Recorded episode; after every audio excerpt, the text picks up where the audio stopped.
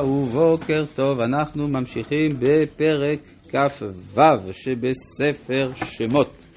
ואנחנו בפסוק כ"ה. והיו שמונה קרשים ואדניהם כסף שישה עשר אדנים שני אדנים תחת הקרש האחד ושני אדנים תחת הקרש האחד. אז אם אנחנו עושים חשבון של מספר הקרשים אז יש לנו 20 קרשים מצפון, 20 קרשים מדרום, 8 קרשים במערב ועוד שני קרשים בפינות, במקצועות, במקוצעות המשכן, סך הכל 50.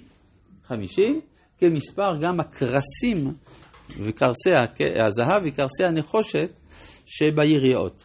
אומרת שהמספר 50 הוא המספר הדומיננטי במבנה של המשכן, זאת אומרת 50 כנגד 50 שערי בינה, זאת אומרת שהמשכן בכללו הוא איזה מין מרחב כזה שהוא תחת ה... ה... שומע, השליטה, שומע, או המסגרת של ספירת הבינה שהיא למעלה מן הבניין. כן, הרי לפי הקבלה ספירות הבניין, חסד, גבורה, תפארת, ניסח עוד יסוד ומלכות, מספר 7 הם הבניין של העולם הזה, 7 כפול 7 יוצא 49, שער החמישים הוא מעל הטבע, וזה מסביר את המספר של הקרשים של המשכן. פסוק כ"ו, ועשית בריחים עצי שיטים, חמישה, לקרשי צלע המשכן האחד, וחמישה בריחים לקרשי צלע המשכן השנית, וחמישה בריחים לקרשי צלע המשכן לירכתיים ימה. זאת אומרת שיש אה, בריחים. למה צריך בריחים? צריך לחזק, כן, באופן טכני, כן, יש צורך בחיזוק טכני של הקרשים. אבל אם זה רק חיזוק טכני, יש הרבה דברים טכניים שהתורה לא סיפרה לנו. לא סיפרה לנו בדיוק, אלא כאן היא כן כותבת לנו. כן, כנראה שהבריחים יש פה עניין של האחדות של המשכן, כמו שגם בהמשך נאמר והיה המשכן אחד. אז יש אה, בכל מרכיב של המשכן, במקום שיכול להיות פירוד, שם צריך להיות החיבור, וזה היסוד של הבריחים. למה המספר חמש? איפה מצאנו חמש באדם? חמש אצבעות, נכון, חמש אצבעות. כלומר, כל יד היא, אה, היא חיבור של חמישה כוחות נפרדים. כלומר, הביד בא לידי ביטוי האחדות שבריבוי, שזה המספר חמישה, שזה כנגד האות ה' שבשם הוויה, וזה גם מה ש... כי הרי האות ה', לפי חכמי הקבלה, היא בעצמה האות י', כן? י', ו' וד', אם מסדרים את זה טוב, יוצא ה'. תיקחו י', תיקחו ו', תיקחו ד', וביחד יוצא י', יוצא ה', כן. אה, והבריח התיכון בתוך הקרשים, מבריח מן הקצה אל הקצה. טוב, אז יש פה באמת שאלה לא פשוטה, מה זה הבריח התיכון הזה שמבריח מן הקצה אל הקצה? אז אפשר להגיד שלאורך כל הקרשים כולם, כלומר לאורך כל חמישים הקרשים, נמצא הבריח. אבל מה נעשה עם זה שהוא צריך להתקפל? הוא צריך להתקפל בפינות. אז באמת אפשר לומר נס. היה נס, קודם כל שהיה בריח באורך של 50 אמה, זה לא פשוט למצוא עץ של גובה 50 אמה לעשות ממנו בריח אחד. ואפשר להגיד, אם ככה, שהיה פה איזה מין נס, ובאמת ככה מובא בברייתא של מלאכת המשכן. אם נלך לפי הפשט, המילה תוך הקרשים, אין הכוונה אה, תוך במובן של בפנים, אלא באמצע. כן, זאת אומרת ש... בכל uh, uh, המילה תוך בתנ"ך, תמיד פירושה אמצע. למשל, uh, עץ החיים בתוך הגן, אומר רש"י, אמצעיתו של גן. אז אם יש לנו חמישה בריחים, שניים למעלה, שניים למטה, הבריח התיכון הוא בתוך הקרשים, הוא באמצע, כן? והוא צריך להיות ארוך יותר, מבריח מן הקצה אל הקצה, ואז מבחינת, בלי להזדקק לנס, אפשר להגיד את זה. לכל צלע יש בריח. בדיוק, בדיוק. אה? אה? לא, בוודאי שלא. אבל כשהיינו, אבל הסברנו כבר כמה פעמים בשיעורים שבהם לא היית, שבשם אה, בעל הפחד יצחק, רבי יצחק קוטנר, שדברים שני דברים, אומר הרב הוטנר, מאוד חשובים, ביחס לאגדות. א', אה, נס שלא מוזכר בתורה, אלא רק במדרש, זה סימן שהוא לא היה. אלא הוא רק מובא בתור אה, רעיון, בתור אה, מסר וכדומה. אבל אם הוא לא מוזכר בתורה, זה סימן שהוא לא היה במציאות. אבל כך ראוי היה להיות. דבר נוסף, אנחנו מבינים שיש הרבה דברים שנאמרו על ידי חכמינו, שהם לכאורה נגד ההיגיון או נגד הטבע. למשל, מה שדיברנו בפעם שעברה, שמשה היה בגובה עשר אמות. כן, שהמהר"ל מסביר לא שהוא היה באמת בגובה עשר אמות, אלא ראוי לו להיות בגובה עשר אמות, אבל במציאות היה גבוה כמה שאפשר.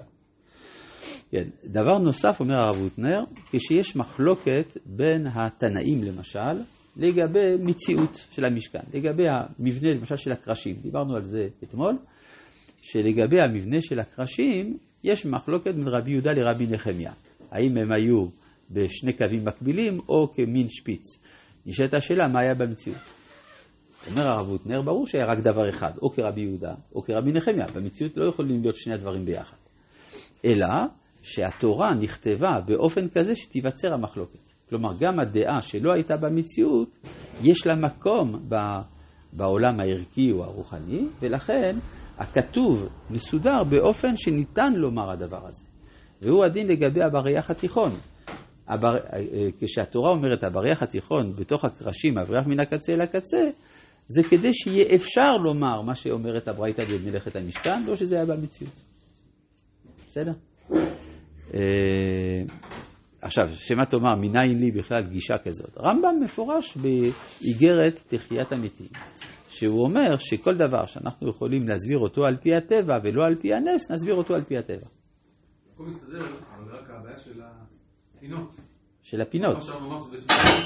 לא, זה הבריח התיכון של כל קבוצה של חמישה, זה הכוונה. עוד מה, ככה? לא, לא, לא, לא, לא, לא, זה בדיוק, זה בדיוק מה שלא אמרתי. אני אומר, אם יש חמישה בריחים מצד אחד, ועוד חמישה ועוד חמישה, כלומר חמש עשרה בריחים, אז איך אתה מסדר בכל קיר? יש חמישה. אז שניים למעלה אני מבין, שניים למטה אני מבין. מה עם התיכון, שהוא החמישי? הוא בתוך הקרשים, זאת אומרת הוא באמצע. בסדר?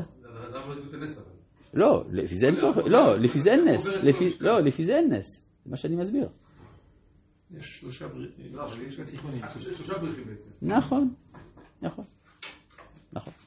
טוב, אה, אבל מה, מה העניין הזה בכל זאת, שבערך התיכון בתוך הקרשים מבריח מן הקצה לקצה?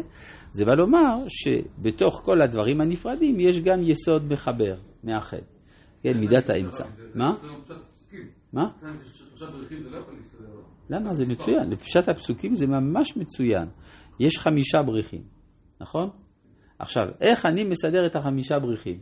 שניים למעלה, שניים למטה, והתיכון באמצע. נכון, זה פשוט, לא צריך... תגיד לנו ככה מסתדרים חמש, כאילו. תמיד איך באמצע, מרגיש שיש... לא, לך שהוא ארוך יותר. הרי לא כתוב בתורה האורך שלו. לא, שהוא ארוך יותר משני הבריחים העליונים והתחתונים. הרי אם יש לך שני בריחים למעלה, הם עושים, כן, זה, זה חצי מהקיר, כן, וה, והתיכון הוא ארוך יותר, או שהוא מונח באמצע, לא מהקצה אל הקצה, זה יכול להיות. כן, אה, ואת הקרשים תצפה זהב, ואת הבעותיהם תעשה זהב, בתים לבריחים, וציפית את הבריחים זהב. גם פה נשאלת השאלה מה העובי של הציפוי. ציפוי זהב לכל קרש. עכשיו, בברייתא דמלאכת המשכן נאמר שזה היה עובי של אצבע. כלומר, אצבע שני סנטימטרים. שני סנטימטרים ציפוי זהב זה כבד ביותר, כן?